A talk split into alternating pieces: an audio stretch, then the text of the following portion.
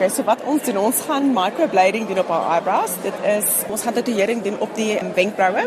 Dit is om dit meer gedefinieerd, voller shape te gee en net meer even te maak en donkerder natuurlik. So die wat die room doen is ons maak die area dood, ons verdoof dit sodat sy niks voel terwyl ons werk nie. Want dit is met 'n lemmetjie wat ons fyn lyntjies insny om dit meer natuurlik te gee. Dit word nie donker ingekleur nie.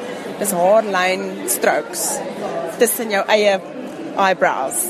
Maar as 'n mens nou praat van tatoeëring, dan is daar seker ink betrokke of 'n sekere naald. Yes, ja, so dit is basies pigment wat onder die vel ingesit word met 'n naald of 'n tipe van 'n blade. Dis fyn naaltjies langs mekaar wat lyk soos 'n blade en die naaltjies dip jy dan in ink en jy trek oor die wenkbrau en daar sit jou lyntjie. Hoe gewild is dit? Dit is baie gewild. Ons doen verskriklik baie daarvan. Ek dink wenkbroue het vlam gevat die laaste paar maande. Dit is amazing hoe baie mense dit doen. So jy sien eintlik niks. Jy sien dit lyk donkerder en meer defined. Maar as jy gaan naby kyk, gaan jy sien hoe eintlik is dit aangeteken. Ja. So dit is om dit juist dikker te maak, nie dit te vervang nie. Glad nie, glad nie. Dit word tussen jou eie hare gedoen om dit dikker en voller en meer definitief geshaped te hê. Ons het baie kliënte wat op medikasie is wat hulle hare verloor. So dan sit jy met niks ooghare nie. So dan om basies dit in te vul. Partykeer soos jy oud word, kry jy gaps tussenin. So daar's half 'n verlies aan hare. So jy vul dit net weer op.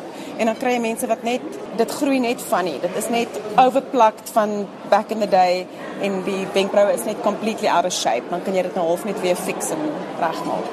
Omdat jy dit dan so aanvul, moet jy dan nog steeds seker maak dat van jou eie hare wat wel groei, beheer moet word. Yes, jy moet nog steeds pluk, jy moet nog steeds partykeer as jou hare grys is, as jy ouer is, moet jy nog steeds bietjie tint om dit in te kleur nou en dan anders het jy die donker onder met die grys hare bo. So dit beteken nie dis dit jy hoef nooit vir iets te doen nie. Jy moet tweeze en maintain, maar dit is makliker want nou kan jy sien waar jou shape is. So waarever jy so gaan 'n kan iemand sien dis 'n vorm. Ja. Hoe maklik is dit om dit te doen en watter soort toerusting gebruik julle? Dit is nie maklik om te doen nie. Ek dink dit is nogal tricky want party velle die pigment vat nie. Die kleur kan verskil as dit nou begin ligter word. Dit kan snaakse kleure gaan. So jy moet seker maak jy blend die regte pigment kleur. Is daar verskillende kleure? Daar is verskillende kleure, 'n klomp, 'n platform van kleure. Soos van ligbruin na medium bruin, donkerbruin, swart. So warm en koel kleure wat jy dan moet meng om die regte kleur vir jou kliënt se veltipe, velkleur So watter tipe tegniek gebruik julle? Dis 'n embroidery tegniek en dit is dan die hand, met die hand. Daar's geen masjien betrokke nie. So dis 'n pen wat net so naaltjie word ingedruk en word oor die vel getrek. Hoe leer iemand die vaardigheid?